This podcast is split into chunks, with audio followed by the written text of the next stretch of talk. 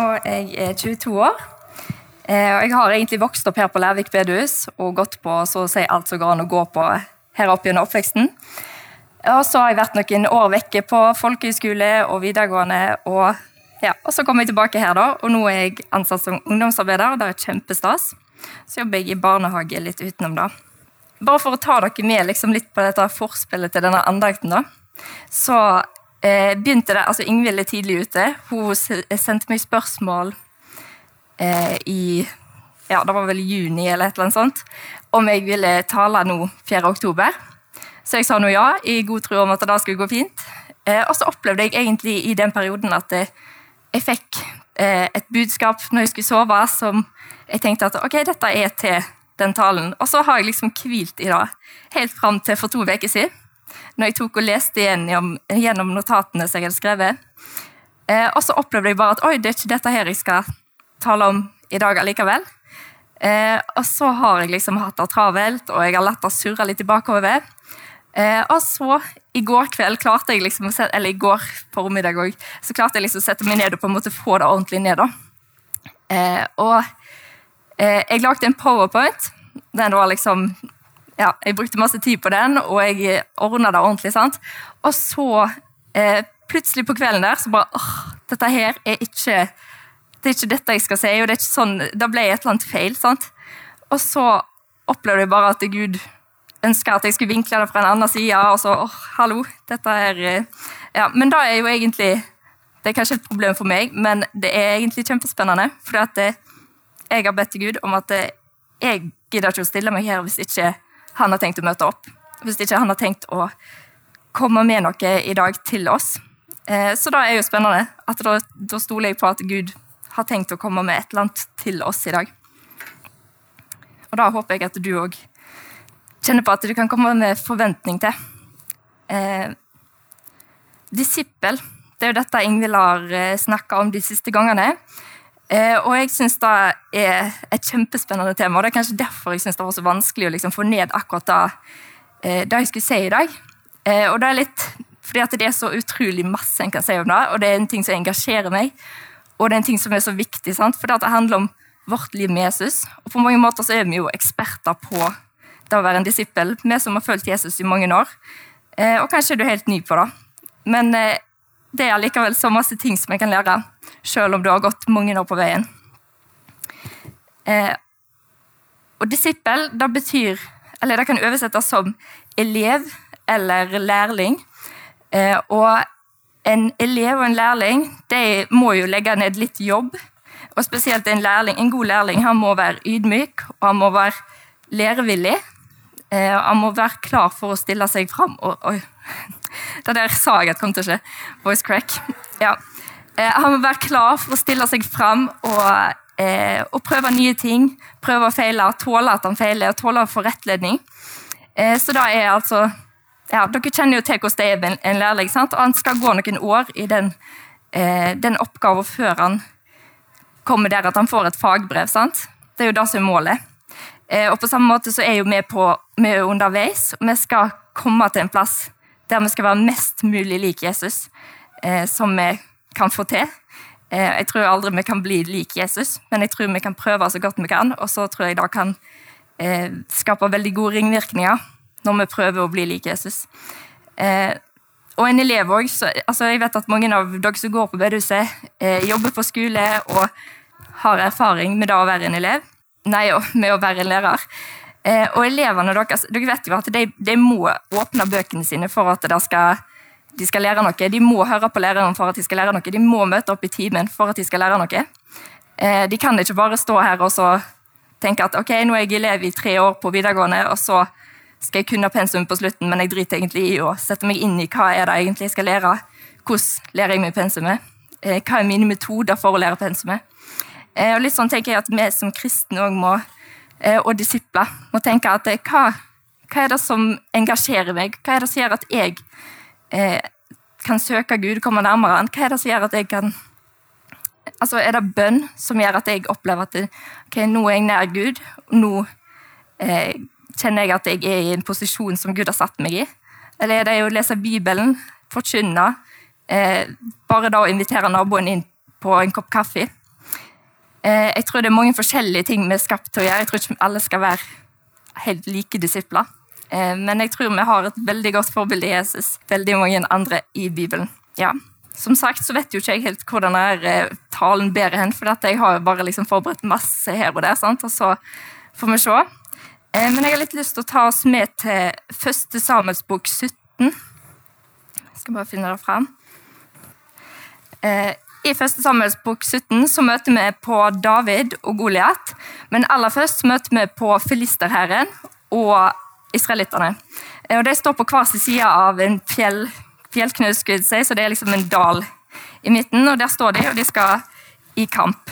Eh, og David han har tre brødre som er eldre enn han, eh, som får lov å komme ut i kamp og kjempe med filisterne. Eh, men David han er for ung til dette. her.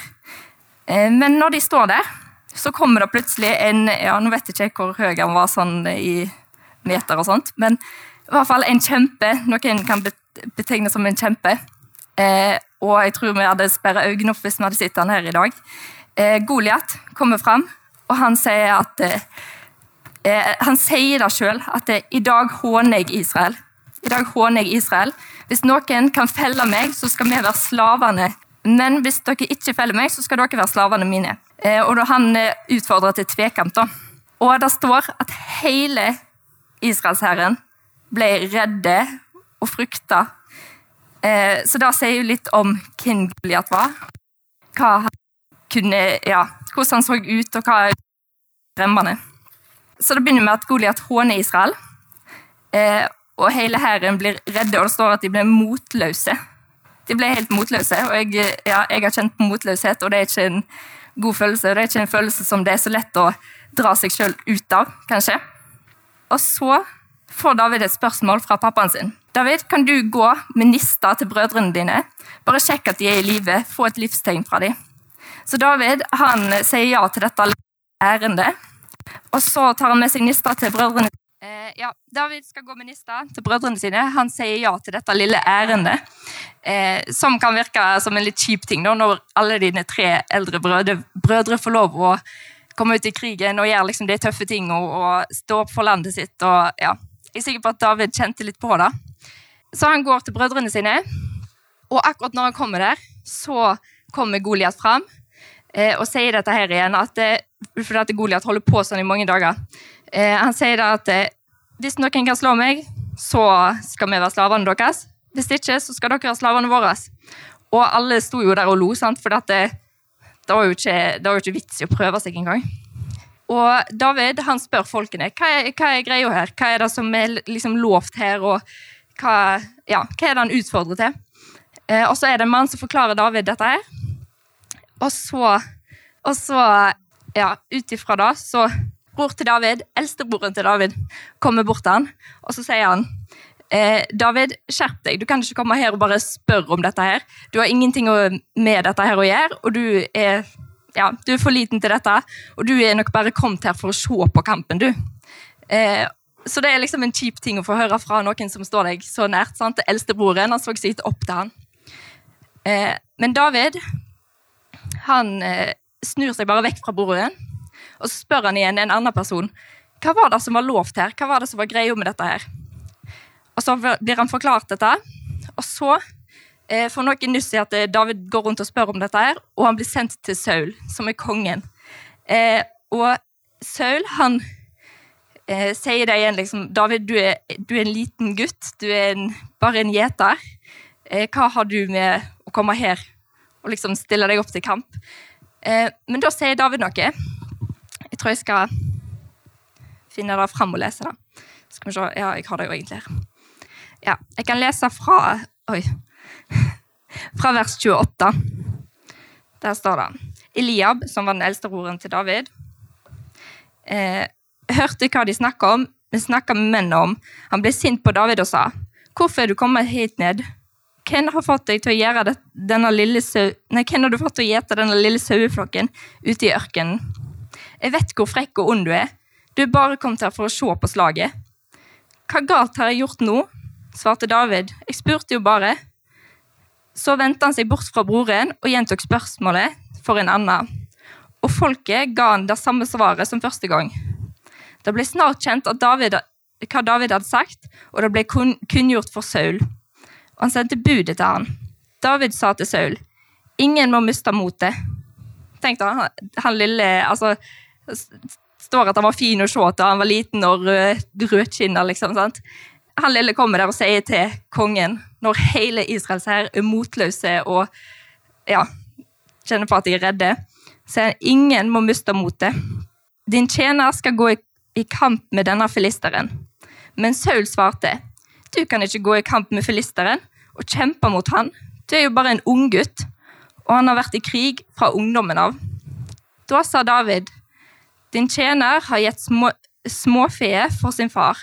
Kom det ei løve eller en bjørn, så tok et fe fra flokken, sprang jeg etter den, slo den og rev feet ut av gapet på den.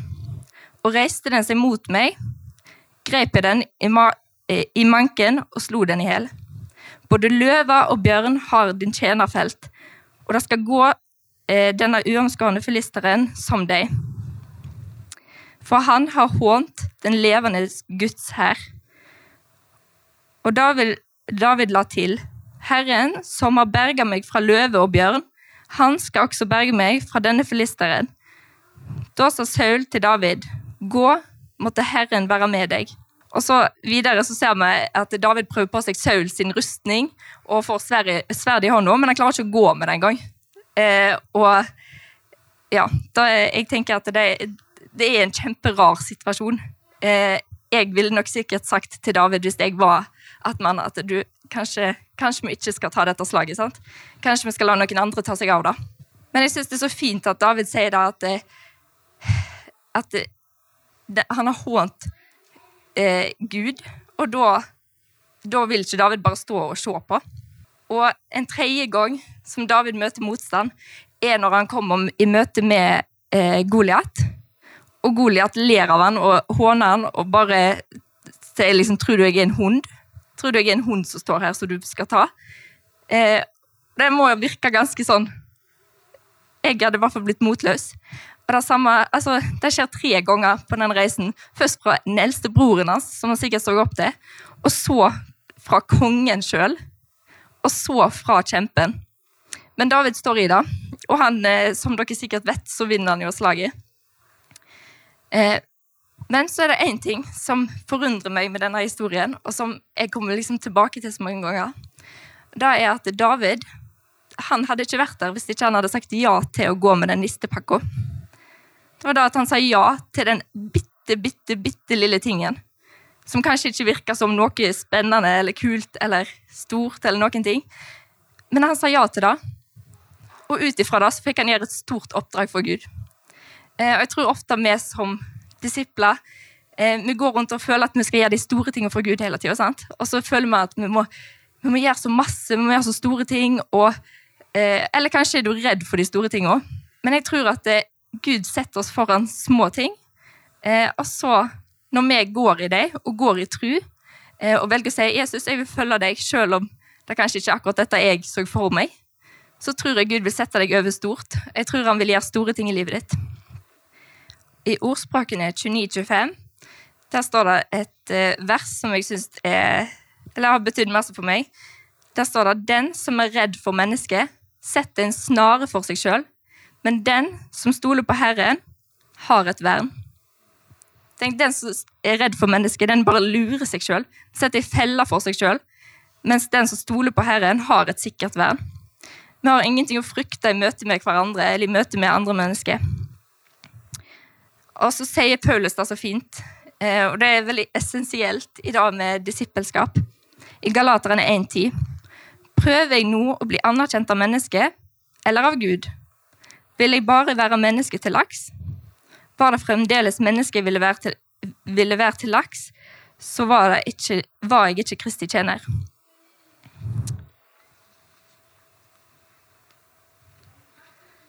Og Jeg kjenner det, jeg sier ikke dette for, en, for, at vi skal kjenne på en sånn motløshet eller en sånn åh, jeg strekker ikke til. Men jeg tror at vi alle har noe å strekke oss etter da, eh, i dette her. Og det er det å tenke over prøver jeg å få en, en kudos, en likes, en follow av mennesket? eller prøver, prøver jeg å få det av Gud? Han som har skapt alt. Han som har skapt, altså Hvis du tar opp et blad og ser på det Det er helt utrolig å se på de små mønstrene som er på et blad, til å gå ut og se på stjernehimmelen. Gud har skapt alt og han eh, Ja, det er en setning som jeg kjenner til åh, da jeg blir så både utfordra og oppmuntra av den setningen. Og det er at Gud kunne plassert deg hvor som helst på tidslinja, men han valgte å plassere deg i dag, i 2020, akkurat her, i den situasjonen du står i. Og det er ikke tilfeldig. Ikke i det hele tatt. Gud har en plan for akkurat ditt liv, akkurat her du er. Eh, altså Ja. Det er en ting jeg har litt lyst til å lese. Eh, og Det kommer fra en bok som jeg syns er veldig bra, 'Start Something'. Eh, det er oversatt til norsk, da. Kvalifisert versus forberedt. Eh, både Peter og Davids liv er eksempler på eh, forskjellen mellom å være kvalifisert og da å være forberedt. Begge var kvalifisert til å gjøre det Gud ville i livene deres, og det er vi alle. Men ingen av dem var forberedt. Peter hadde ingrediensene til å bli en apostel, eh, men han trengte tre år med Jesus i sida for å bli forberedt. David hadde ingrediensene i seg til å være en konge, men han trengte bjørnen, løva, kjempen for å forberede seg til oppgaven. De fleste av oss pleier å glemme forskjellen mellom kvalifisering og forberedning. Vi antar at vi ikke er kvalifisert, eh, så hvordan kan vi respondere på det Gud kaller oss til å gjøre, eh, før vi har blitt det? Vi glemmer at det å bli kalt av Gud er et bevis på at vi allerede er kvalifisert til det han kaller oss til. Og jeg, bare side note, vi er alle kalt av Gud. Eh, det står generelle løfter i Bibelen om at vi er kalt. Og så tror jeg òg at Gud kommer med personlige kall inn i livet vårt. Ja, Det er nemlig ikke kvalifisert vi trenger, men å bli forberedt. Vi trenger å glemme oss sjøl lenge nok til å få oppleve den fantastiske, nådefulle reisen av å bli forberedt. Se for deg at du skal bake ei kake. Alle ingrediensene ligger på kjøkkendisken. Du har sukker, mjøl, smør osv. Eh, absolutt alt du trenger for å komme fram til et godt resultat, ligger foran deg. Så slenger du en håndfull sukker og mjøl og smør inn i munnen din. Ta-da! Kake. Eller kanskje ikke. Eh, vi trenger at det blandes sammen, at det stekes i ovnen. Eh, og alle disse tingene som utgjør en liste med tilfeldige ingredienser, eh, nei, som er lista med tilfeldige ingredienser, utgjør til slutt et fantastisk bakverk. Det virker som at Gud jobber på samme måte med oss. Når Jesus eh, glante utover vannet og så Peter, visste han at alle nei, på innsida av den illeluktende fiskeren var alle ingrediensene han trengte til å bake seg apostelkaka. Alt av Peters lidenskap, lojalitet, energi og stahet trengte bare litt tid i miksmasteren. Så Jesus inviterte han til å følge. Peters respons med å overgi seg til Jesus var det som starta forberedelsesprosessen hans. Hvis Peter bare hadde blitt værende i båten, hadde han forblitt en tilfeldig liste med ingredienser. Peters potensial til å kunne forvandles om til deilig kake ville alltid vært der, men responsen han ga, åpna dørene for at Jesus kunne starte å blande den sammen. Davids forberedning på den andre sida starta mens han var ute på å gjette sauene. David hadde ingen anelse om at bjørnen og løva og Goliat ville føre til Nei, ville føre til Goliat, men bjørnen og løva ville føre til Goliat. Eh, han var bare ute og beskytta saueflokken. Han kunne ha stukket av og etterlatt sauene for å dø, men det gjorde han ikke. Hver gang overvant han frykten sin. Og hver gang motstanden ble større, så ble trua hans òg større. Gud er den eneste som vet om hva som er de lista med ingredienser. Kanskje har du fått sett noen av dem, men jeg tror ikke vi alltid ser helt sjøl hva som er vår liste. Eh, og ærlig talt så betyr det ikke så masse om du er, skal bli ei kake eller en pai, men det som betyr noe, er at du eh, velger å si ja til Jesus og velger å si at jeg vil, jeg vil bli den du vil at jeg skal bli. Og Jesus han har lova at han skal fullføre det han starta i oss. Eh, jeg kunne jo ha vinkla dette på mange måter, for det står utrolig masse i Bibelen om det å være en disippel. Og jeg vil virkelig anbefale at dere leser det. Eh, I f.eks. Bergpreken i Matteus 5-7. Der står det utrolig masse om hvordan en disippel skal være, eller hvordan en kristen skal være. Eh, og så er det ting vi kan strekke oss til. Og så er det jo selvfølgelig de ti bud og alt dette her som vi kjenner til. Men eh, det står utrolig masse i Bibelen. Eh, også i Gamle testamentet også, så står det veldig masse, spesielt historier om folk som har valgt å gått den veien Gud ønsker. Eller kanskje de har valgt å gå en annen vei, og så har de blitt tanka inn igjen. Eh, men det står i hvert fall inspirerende historier om hvordan vi kan leve vårt liv i Gud. Det er et vers som jeg ble minnet på i dag tidlig som jeg syns er Ja, det er en Det er en veldig utfordrende ting, egentlig.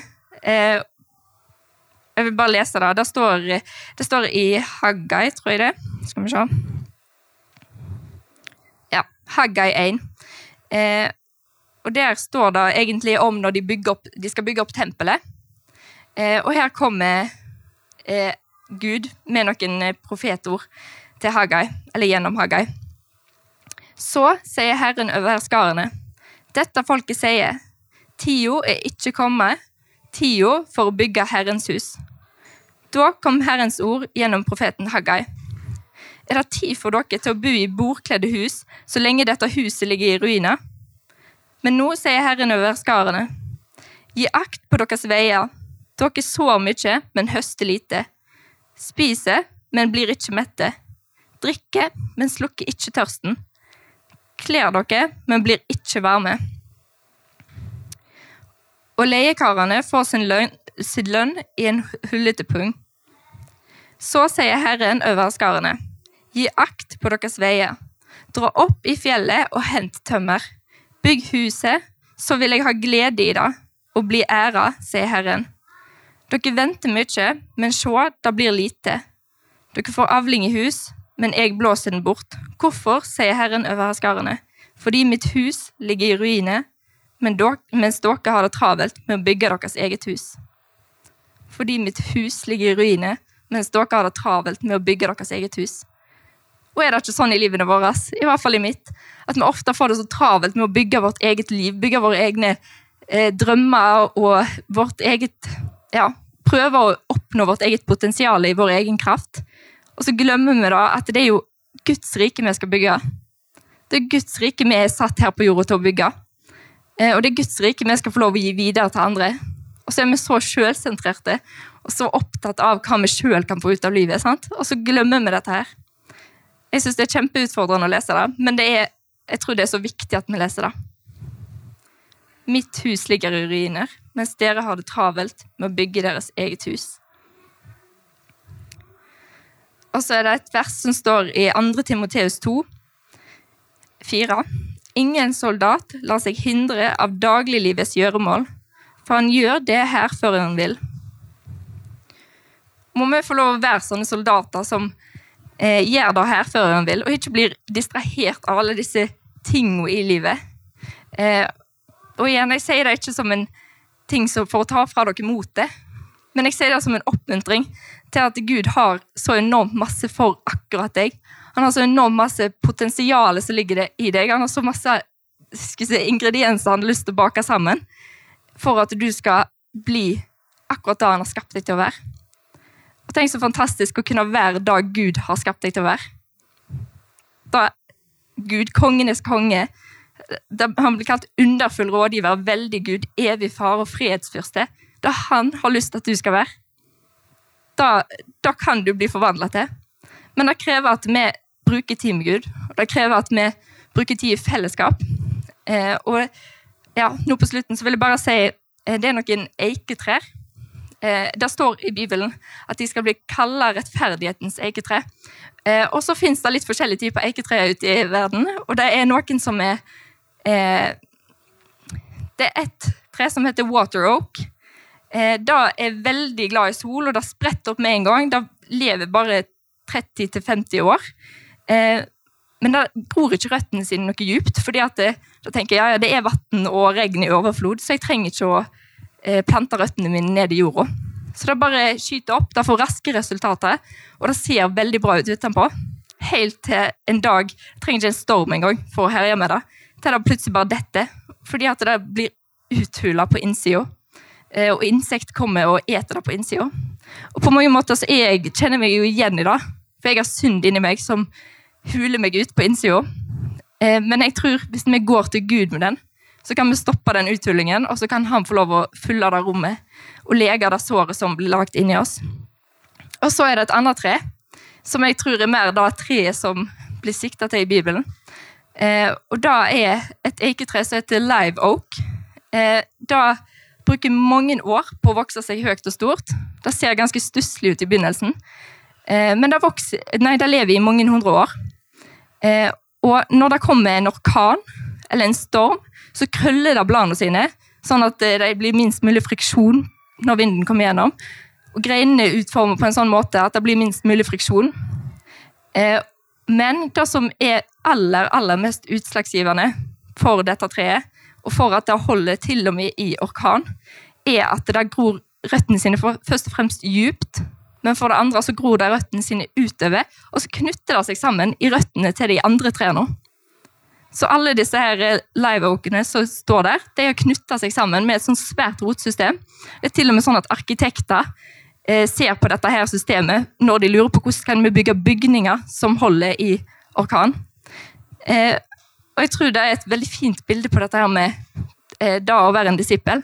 Fordi ja, vi kan ha en relasjon med Gud alene, men jeg tror ikke det i lengden holder. Eh, selvfølgelig så kan vi klare det, men jeg tror vi trenger hverandre, og jeg tror vi trenger å knytte røttene våre sammen. Være sårbare med hverandre. Si ifra når jeg trenger å bli holdt oppe. Eh, og så kan vi få lov å være med og støtte hverandre. Så vil jeg lese et siste vers. Da det er et av mine favorittvers. Det står i Johannes, 1. Eh, Johannes 3,20. Det står det at selv om vårt hjerte fordømmer oss, er Gud større enn vårt hjerte og kjenner alt. Eh, og da er et så viktig vers for meg, fordi jeg opplevde at jeg fant det i Bibelen en gang jeg virkelig trengte det. For jeg kjente på at åh, jeg har så lyst til å vise Gud hvor takknemlig og hvor glad jeg er for det han har gjort for meg. Men så får jeg det ikke til. Jeg kunne ønske jeg kunne lest så masse i Bibelen. Jeg kunne ønske jeg kunne bedt så masse. Jeg kunne ønske jeg kunne være så frimodig når jeg møtte andre og fortelle om evangeliet. Men så kjente jeg på en sånn åh, jeg får det ikke til. Men der står det at Gud er større enn vårt hjerte. Selv om vi fordømmer oss sjøl, så er Gud større enn vårt hjerte og kjenner alt. Jeg tror Gud ser din lengsel etter å ære han og prise han. Jeg tror han ser din lengsel etter å leve et perfekt liv for han. Og så tror jeg at det er nåde for de dagene vi ikke klarer det. Og så er det bare å begynne på nytt og på nytt og på nytt. Kjære Jesus, jeg takker deg for eh, det du har lyst til å gi til oss i dag. Ber om at det, det må få være ting som sår frø i hjertet, altså ting som får gro i hjertet. Og så ber jeg om at det som ikke var fra deg, Jesus, at det må bare falle dødt til jorda. Eh, og så ber jeg om at det, vi må få lov å vokse i disippelskap, Jesus. Både med hverandre og med deg, Jesus. Jeg ber om at du må lære oss å kjenne, elske og tjene deg av et helt hjerte. Og ikke minst at vi forstår vår posisjon innenfor deg, at vi er dekka av ditt blod at vi er dekka av deg til og med når vi kjenner at vi ikke strekker til, når vi ikke fortjener det. Legg møtet videre i dine hender, Jesus. Amen.